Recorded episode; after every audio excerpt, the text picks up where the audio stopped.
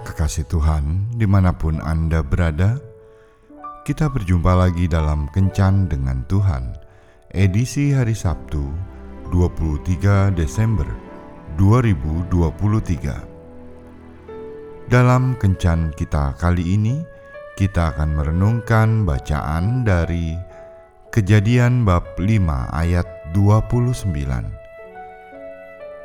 dan memberinya nama Nuh kepadanya.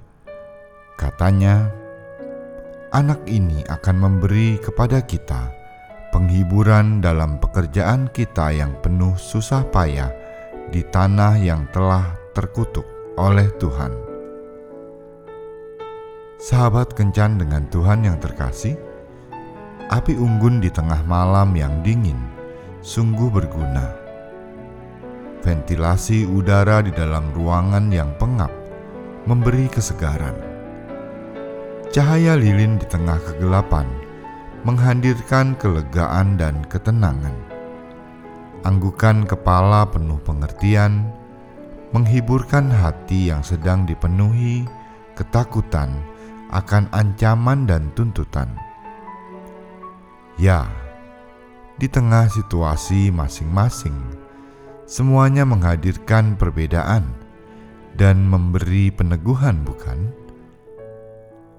Ucapan Lamek tentang putranya bukan sekedar harapan seorang ayah terhadap anaknya, melainkan gambaran akan masa depan anak itu.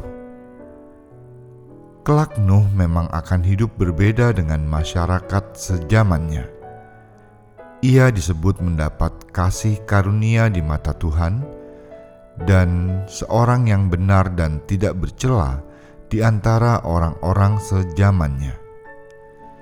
Dan Nuh itu hidup bergaul dengan Allah.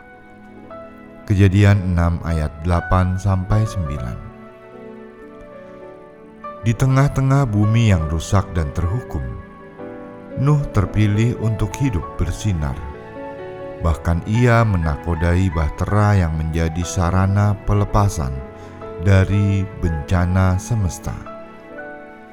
Tak heran, namanya terkait dengan perannya yang memberikan penghiburan bagi kaum sejamannya.